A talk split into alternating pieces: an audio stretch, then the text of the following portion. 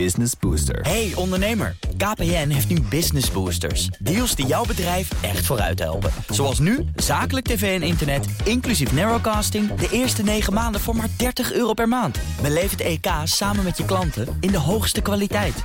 Kijk op kpn.com slash businessbooster. Business Booster. BNR Nieuwsradio. Boekenstein en de Wijk. Jan Postma. Populisten der aarde verenigt u. PVV, Front Nationaal, Alternatief voor Duitsland. Eurosceptici en nationalisten komen op en werken samen. Wir leben jetzt in historische Zeiten. Vive les nations d'Europe! Vive l'Europe des nations! kan ik niet anders dan hier vandaag uitdrukkelijk te zeggen dat uw collega, mevrouw Merkel, bloed aan haar handen geeft. Ladies and gentlemen, dare to dream that the dawn is breaking on an independent, united kingdom. Deutschland muss die Heimat unserer Kinder bleiben.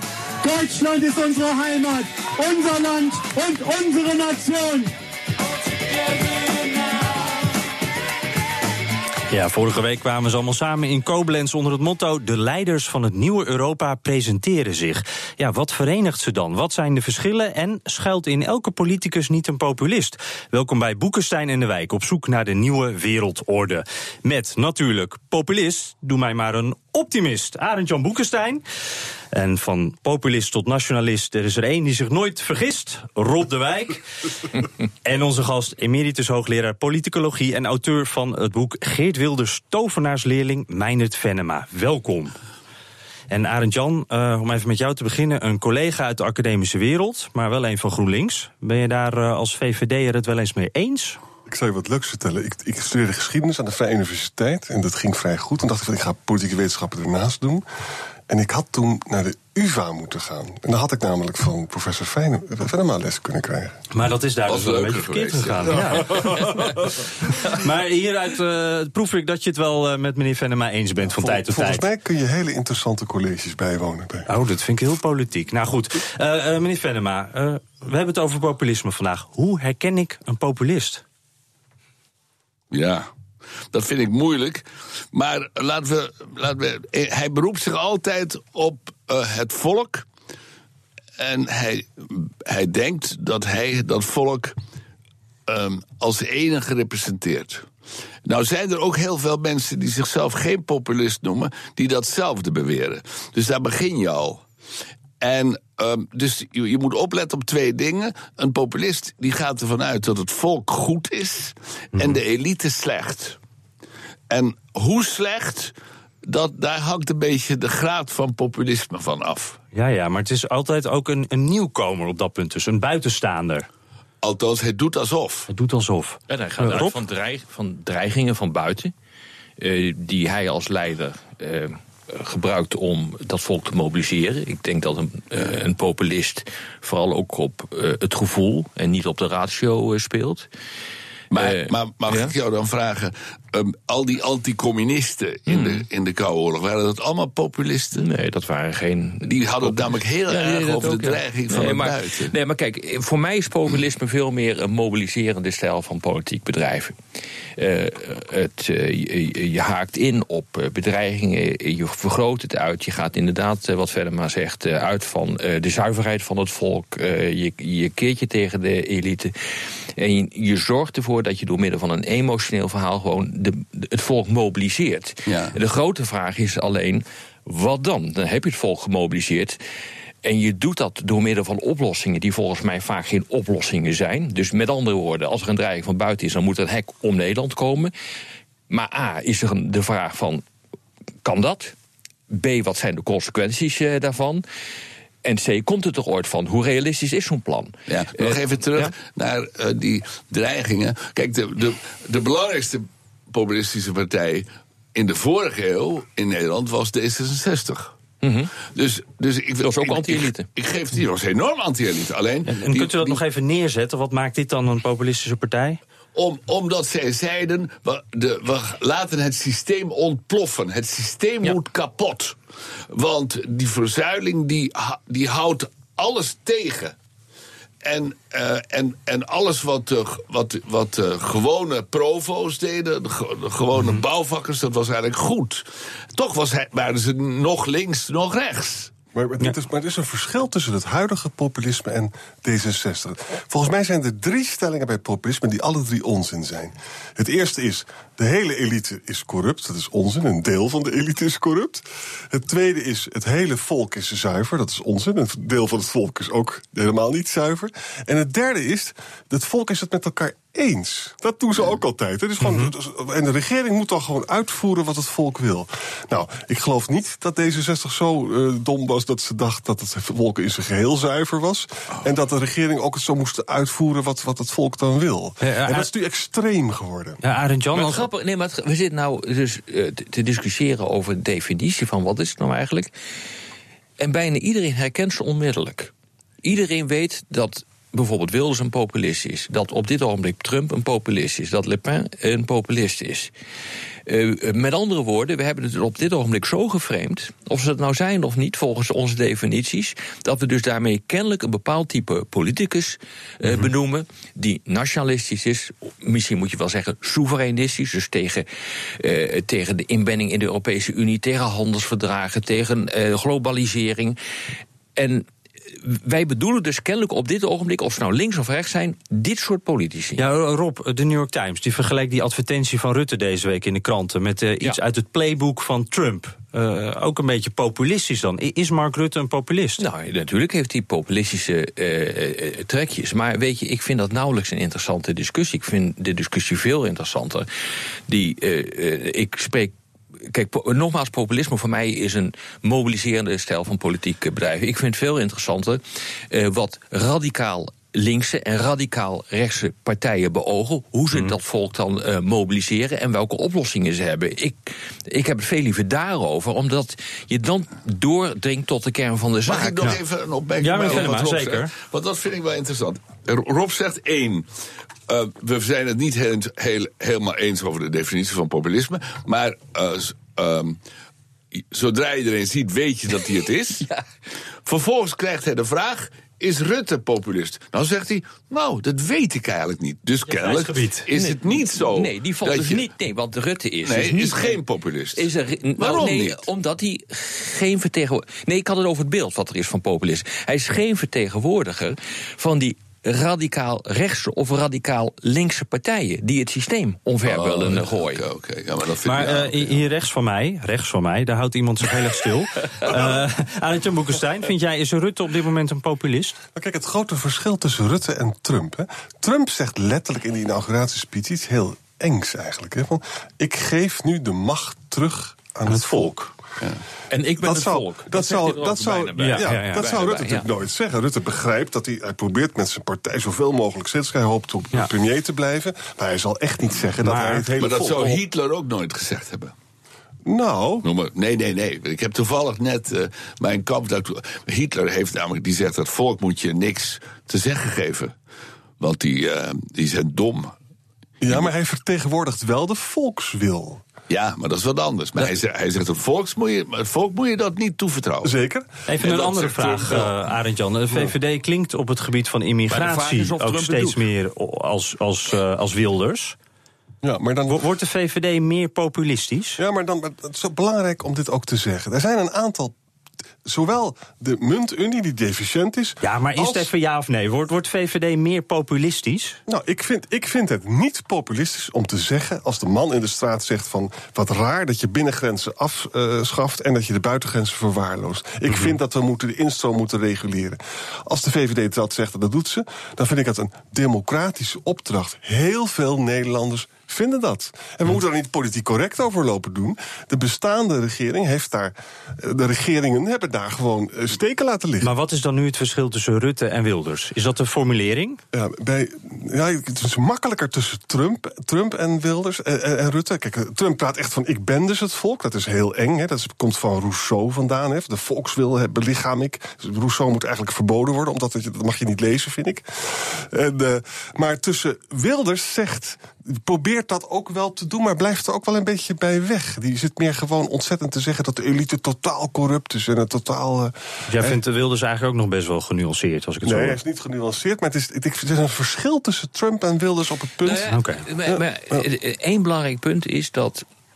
eh, ook dat is weer het beeld wat er is. eh, dat de vraag is of bij dit soort mensen de rechtsstaat in goede handen is.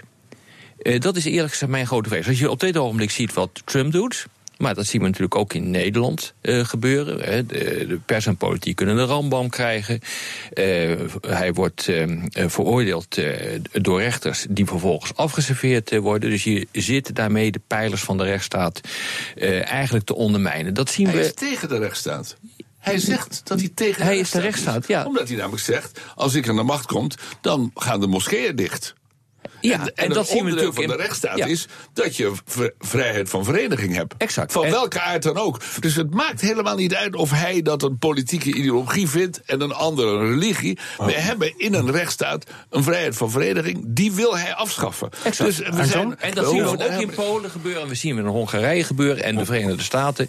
Die schurkt daar nu tegenaan. En ik denk dat. Als we het nu hebben over het, het huidige populisme. welke definitie je er ook aan eh, plakt. het zal mij verder een worst wezen. Maar we hebben nu te maken met politici in de westerse wereld. waarbij de rechtsstaat niet meer in veilige handen is. Ik denk dat dat een belangrijke constatering is. Ja, maar dat zou ik niet onmiddellijk te- bij- te- gelijk willen stellen aan populisme.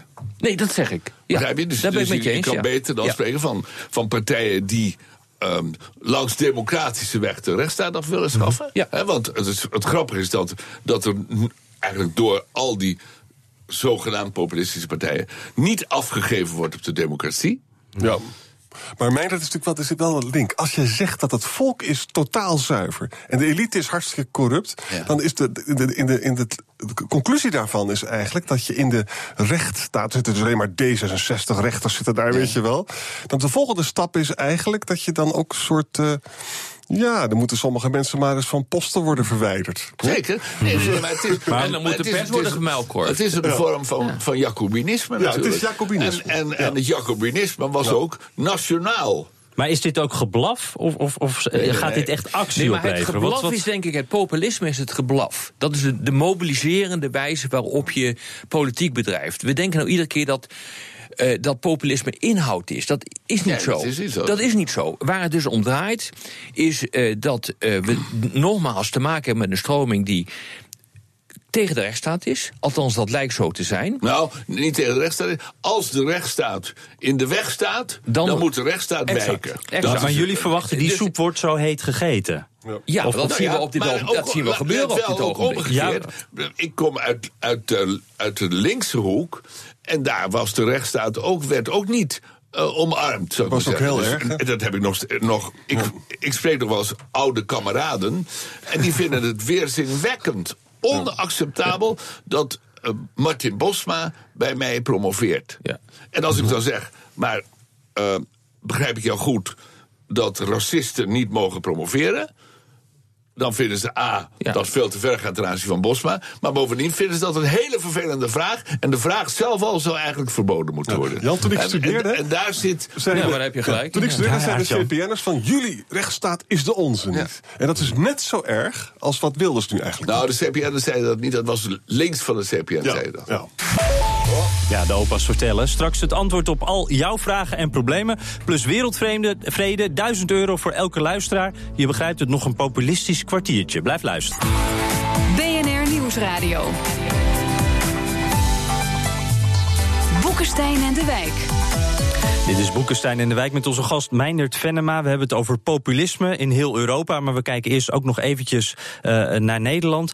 Eh, ja, zo'n populist, hoe ga je daarmee om? Rob, een cordon sanitair hoor je heel vaak. Is dat nou de manier? Nou ja, we hebben net geconstateerd dat, eh, dat het type populisten waar we dus kennelijk nu problemen mee hebben, die zijn anti-rechtsstaat, die zijn voor protectionisme, die zijn voor nationalisme. Als populisten, radicaal rechtse, radicaal linkse partijen, zeggen van wij omarmen de rechtsstaat volledig en wij doen mee aan het democratische spel. Wij slopen die rechtsstaat uiteindelijk niet. En wij gebruiken niet de democratie om uiteindelijk die rechtsstaat te, te kunnen slopen.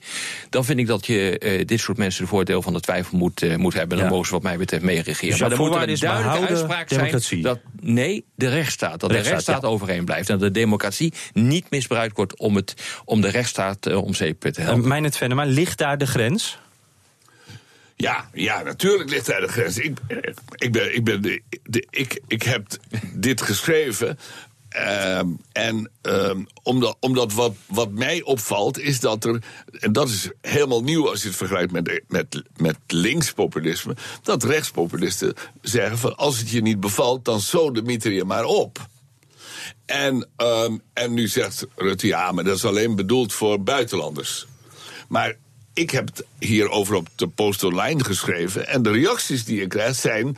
we gaan eerst de moslims eruit gooien... en daarna Meindert Venema.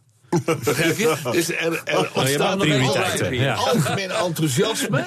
om iedereen waar je geen zin meer in hebt... Ja, om die eruit te zetten. en dat-. En, en, en de kern van de rechtsstaat is natuurlijk... en ook in die zin wel de kern van de democratie... is dat een, de, de, de, de, de rechtsstaat is een vereniging... waar niemand gerooieerd kan worden.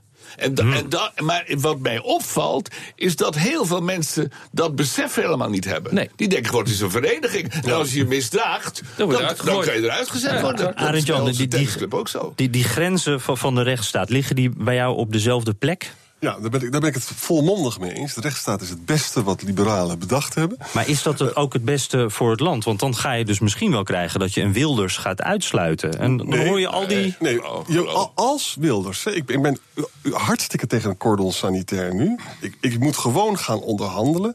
Als blijkt tijdens de kabinetsformatie dat de PVV vasthoudt aan die Koran, onzin en zo, dan, dan ga je daar dus niet mee regeren.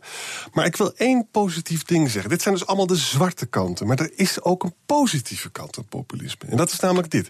Stel nou eens dat al die populistische partijen er niet waren. De bestaande regeringen hebben een deficiënte muntunie op de mat gelegd. En ze zijn niet goed gega- omgegaan met die buitengrenzen. Mijn stelling zou zijn: populistische partijen hebben daar terecht bezwaar tegen gemaakt. En beïnvloeden ook de gematigde partijen op dit punt. En dat is democratie pur sang. Maar dat het besef is denk ik zo langzamerhand wel doorgedrongen.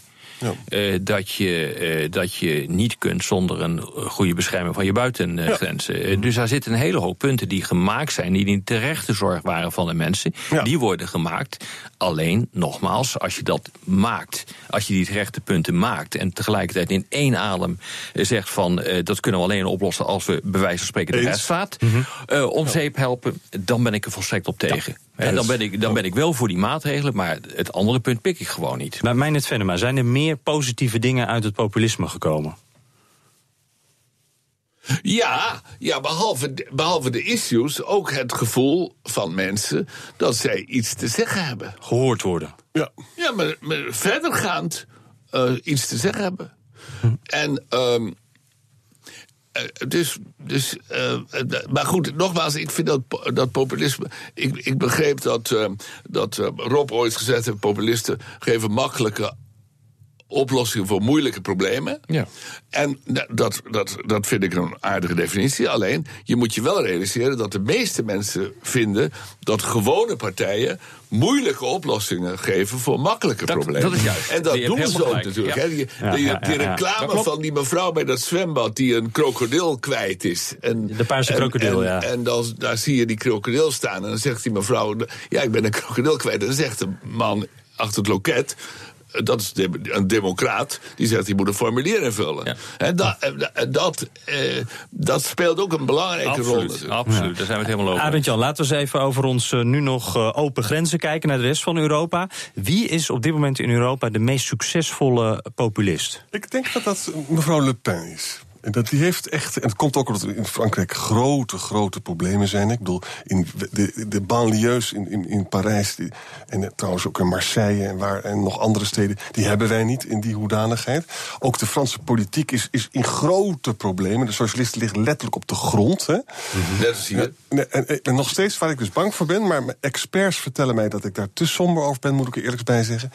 Ik denk dat ze de eerste ronde door zou kunnen komen. En dat als Filon het zou gaan worden, hè, die is Mhm. zo eh, marktgeoriënteerd en ook zo katholiek. Links zou zich kunnen verleid kunnen worden om thuis te blijven. Maar En waarom, als dat waarom, gebeurt. waarom noem je Kaczynski niet? Ja. Die, eh, die, die Poolse leider, die heeft nou echt succes. Ja, is dat volgens jou de nummer één Ja, nee, populist voor- op dit moment? Zonder, Ja? eh, Voor mij zonder. En Orban is ook dus eh, de Hongaars leider. Orbán dat heeft- zijn nou echt gewoon. En, en wat doen die twee nou eh, heel goed als Nou, die, hebben populist? het, ge- die hebben het nou echt gepresteerd om de bevolking eh, te mobiliseren. Eh, en die zijn op dit ogenblik, eh, waar we het net over hadden, toch echt bezig om de frontale aanval Ja. uit te voeren op de rechtsstaat. En de, ik moet zeggen, daar slagen ze heel aardig in. En Orbán heeft een meerderheid. Hè? In Ja. Polen heb je nog oppositie. Maar Rob heeft volkomen gelijk. Wat Je krijgt Arend Jan al mee, Rob. Ja. Dat, eh, Nee, maar wat, wat, wat- wat er in Hongarije gebeurt, ook met het constitutioneel hof, dat is, is, is onvoorstelbaar. Eh Meijnet Onvoorstelbaar. Venema, eh, vorige week kwamen al die populisten, nationalisten, Ja. protectionisten kwamen allemaal samen. Wat verbindt deze groepen nou? Ja, dat zijn de twee hoofdpunten: anti-Brussel en, en tegen de immigranten. Ja. En, en, en het, grote, het grote eh, verschil is dat voorheen extreem rechts, eh, die had dat ook. Maar die waren eh, daarnaast ook nog tegen Amerika en tegen de Joden. Ja. En, eh, en dat heb je daar gezien in Koblenz. Dat, dat, eh, dat ehm, Wilders, die op dit punt van geen wijken weet. Dus die ging daar, hoewel hij heel goed wist wat zijn publiek was, zei hij: wij zijn, een, wij zijn de vrienden van Israël. En toen bleef het stil. Ja, natuurlijk. Toen bleef het Ja, zo Dus, interessant. begrijp je? Maar, Ja. En dat heb je ook in, de, in het Front Nationaal gezien. Le Pen was natuurlijk een oude Antisemiet. extreme rechtse leider die, die, de, die de ultramontane katholieken en de Action Ja. Française en zo verenigde. En, en, dat, en, en Marine Le Pen is die, die, die haar voorbeeld is Wilders. En men is dus ook dat anti-moslim discours over gaan nemen. Want daarvoor, Le Pen had het nooit over de moslim, die had het over les Arabes. Hè, dus, dus je zou kunnen zeggen dat in Frankrijk is men van de Arabieren naar, naar de moslims overgestapt, discussief. In Nederland is Wilders van de moslims naar de Arabieren overgestapt. maar het grote overeenkomst is dat ze allemaal tegen een groep zijn. tegen? Een groep zijn. Er is dus altijd een groep die niet deugt. En die moet worden uitgesloten. Dat zien we natuurlijk hier in Nederland met, eh, met de islam gebeuren. In eh, de Arabieren, wat het ook mogen zijn in Frankrijk. Maar het is land is ook behoorlijk antisemitisch. En je ziet dus wel in Duitsland. overal dat, dus, eh, dat, dat, dat groepen worden aangewezen als zondebok. En als die groepen, als dat probleem met die groep wordt opgelost... dan ontstaat natuurlijk weer een zuivere maatschappij. waardoor alle problemen als sneeuw voor de zon zullen verdwijnen. Ja, Althans, is dat een- is, is dat een- is een wat er gezegd wordt. Ja, Exact. ja. Ja. Maar, maar, die maar die radicaliteit is ook gestimuleerd van als je als elite of als regering hè, niet bereid bent om ook te praten over problemen met de radicale islam, dan krijg je dit soort reacties natuurlijk ook. Hè? We, we hebben voor een deel zijn we ook heel krampachtig geweest. Weet je, ik zie het als volgt. Elke religie eh, is ook een ideologie. Eh, en daar hebben we heel veel last van gehad. Fascisme, communisme, maar ook christendom. Maar ze zijn getemd. Hè?